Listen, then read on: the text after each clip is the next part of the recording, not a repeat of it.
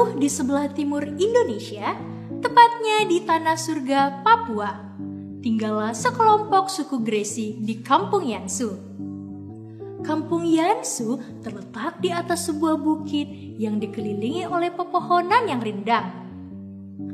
Di sebelah barat Kampung Yansu terdapat sungai yang mengalir dengan jernih. Di sebelah selatannya terdapat rawa yang ditumbuhi sagu yang amat subur. Orang-orang di kampung Yansu hidup berdampingan dengan kekayaan alam yang ada di sekitar mereka. Mereka memanfaatkan berbagai hasil hutan untuk kebutuhan sandang, pangan, dan papan.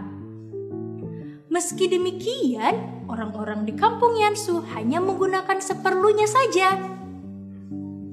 Di tengah-tengah perkampungan nampaklah sebuah rumah milik kepala suku kampung Yansu yang dikenal dengan nama Yansu Meiram. Di depan rumah Yansu Meiram terdapat sebuah pohon yang amat besar dan rindang.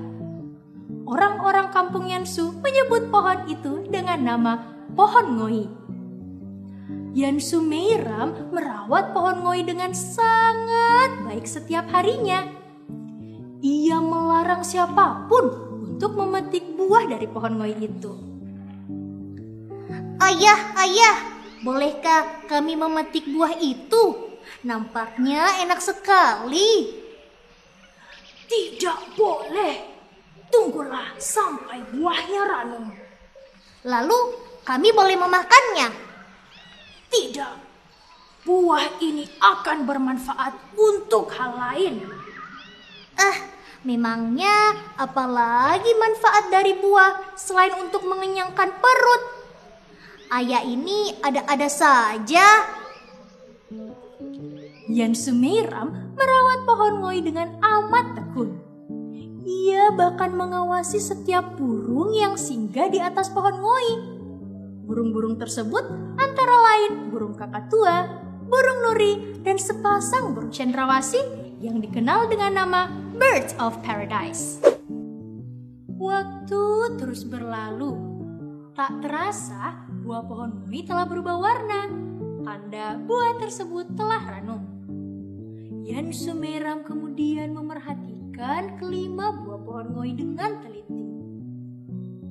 Lihatlah anakku, lihatlah kelima buah pohon ngoi ini. Warnanya hijau tua dan ukurannya kecil seperti telur ayam. Anakku, mari kita petik buah ini. Yan Sumeram lalu memetik buah pertama dari pohon ngoi itu. Tiba-tiba tanah di sekitarnya berguncang dengan hebat. Uh, uh, apa yang terjadi ayah? Tolong, tolong.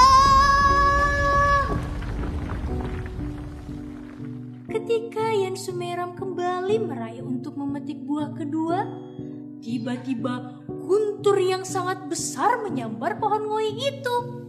Aduh, aduh, aku kaget sekali. Aduh. Yan Sumeram kembali meraih untuk memetik buah pohon ngoi yang ketiga. Tiba-tiba hujan yang amat deras turun di kampung Yansu. Angin bertiup sangat kencang ketika Yansu merah memetik buah keempat. Aduh, ayah, hentikan. Jangan memetik buah itu lagi. Hentikan, ayah. Ketika semua buah pohon ngoi berhasil dipetik oleh Yan Sumeiram, retakan di tanah akibat guncangan tadi kemudian terisi oleh air yang sangat banyak. Dan Sumera lalu berlari masuk ke rumahnya dan menyimpan buah pohon ngoi itu dengan hati-hati. Ia yakin bahwa suatu saat buah-buah pohon ngoi itu akan bermanfaat bagi dirinya dan bagi anak-anaknya.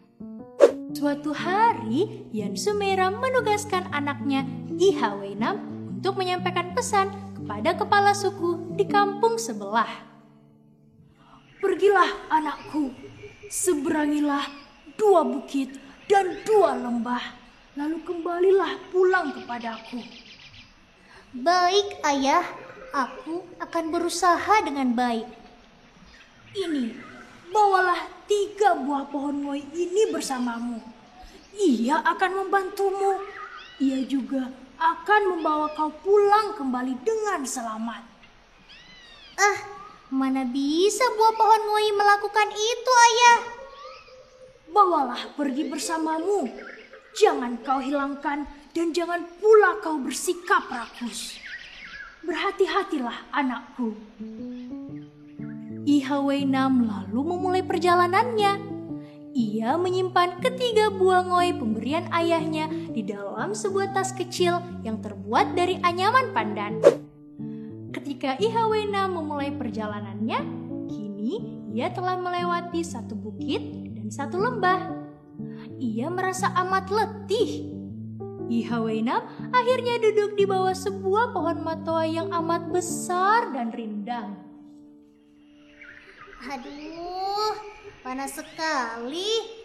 Aku juga merasa haus dan lapar. Hmm, lihatlah buah-buah matoa yang nampak enak ini. Akan kumakan. Uh, satu, hmm, uh, dua, hmm, enak sekali. Ihaweinam lalu memakan banyak sekali buah matoa. Ia makan lagi dan lagi karena ia takut nanti akan merasa kelaparan di perjalanan. Meski perutnya sudah kenyang. Hah, sekarang aku merasa haus, tapi nampaknya di sini tidak ada air. Oh, lihat, apakah itu sebuah akar pohon yang menggantung? Wah, Ihaweinam lalu berjalan mendekati akar pohon yang menggantung seperti tali.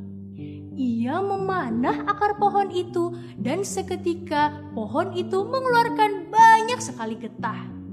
Ihaweinam lalu meminumnya untuk melepas dahaga. wah, segar sekali. Ihaweinam lalu melanjutkan perjalanannya. Kini ia telah melewati dua bukit dan dua lembah. Namun ketika Ihaweinam menginjakkan kakinya di lembah kedua, tiba-tiba sebuah sumber mata air muncul dari bekas pijakannya. Ia berusaha menghindar. Namun sumber mata air yang lain muncul di bekas pijakannya pula. Eh, dari mana? Dari mana asalnya air ini? Aduh, aku harus ke mana? Ihawena merasa ketakutan karena air itu terus bertambah dan bertambah hingga nyaris menutupi seluruh lembah itu. Eh, aku harus lari ke mana? Tolong! Aduh, nanti nanti aku bisa tenggelam. Tolong! Oh, itu ada sebuah pohon. Hap! Ihawena lalu memanjat sampai ke puncak pohon itu. Ia melihat ke sekelilingnya dan mulai merasa kebingungan. Hah? Dari mana asalnya air-air ini? Kenapa ada banyak sekali? Hah? Tolong, aku takut. Tolong. Ihawena duduk di atas pohon itu selama sehari semalam. Ia mulai merenungkan nasibnya dan berpikir bagaimana perjalanannya harus terhenti akibat genangan air itu. Oh, aha. Ini pasti karena ulahku yang ceroboh. aku makan banyak sekali buah matoa meski aku sudah kekenyangan. Aku juga telah merusak akar pohon. Saat ini alam pasti sedang menghukumku. Maafkan aku. Aku bersalah. Sekarang aku harus apa? Ihawena lalu merogoh tas kecilnya dan menemukan tiga buah pohon ngoi pemberian ayahnya. Ah, apakah buah pohon wai ini benar-benar bisa membantuku? Hmm, kita coba sajalah. Wahai buah pohon ngoi, tolonglah aku. Jika aku melemparkan dahan pohon ini ke atas air dan dia tenggelam, maka aku akan tenggelam. Tapi jika dahan pohon itu tidak tenggelam, maka aku juga tidak akan tenggelam. Ihwenam lalu melemparkan sebuah dahan pohon yang besar tempatnya berlindung ke atas air. Ajaib, ternyata dahan pohon besar itu tidak tenggelam. Ihwenam lalu melompat ke atas air dan berpegangan kepada dahan itu. Ia berusaha mencapai pinggiran lembah untuk mencari pertolongan. Ketika sampai di daratan, Ihawena merasa amat bersyukur karena alam telah memberikannya satu kali lagi kesempatan untuk melanjutkan perjalanannya. Wah, akhirnya aku selamat. Huh? Tapi sekarang aku harus ke arah mana ya? Semuanya kini nampak sama akibat genangan air ini. Aduh. Oh, aku akan meminta bantuan kepada buah pohon ngoi. Wahai buah pohon ngoi, tolonglah aku. Tolong tunjukkan arah yang tepat agar aku bisa melanjutkan perjalananku. Ihwenam lalu melemparkan ketiga buah pohon ngoi itu ke atas tanah. Ketiga buah itu lalu menggelinding menyusuri lembah. Ihwenam berlarian mengikuti buah pohon ngoi. Ia kemudian sampai ke tujuannya. Setelah menyampaikan pesan ayahnya kepada kepala suku kampung sebelah, Ihwenam lalu pulang kembali ke kampung Yansu.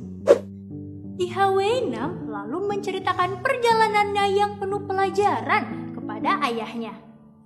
Wah, ayah benar. Buah-buah pohon ngoi ini memang sangat sakti. Anakku, jika kau mempercayai sesuatu, maka hal tersebut akan terjadi. Sama pula halnya dengan buah-buah pohon ngoi ini. Jika kau yakin buah-buah ini akan bermanfaat, jagalah ia, maka ia akan menunjukkan manfaatnya kepadamu. Perjalanan Ihwenam dengan manik-manik sakti pohon ngoi sangat berkesan bagi Ihwenam. Sejak hari itu, Ihwenam berjanji bahwa ia tidak akan bersikap rakus dan selalu berusaha menjaga keseimbangan alam. Ia yakin bahwa manusia merupakan bagian dari alam, sehingga manusia harus menjaga alam dengan baik, seperti manusia menjaga dirinya sendiri.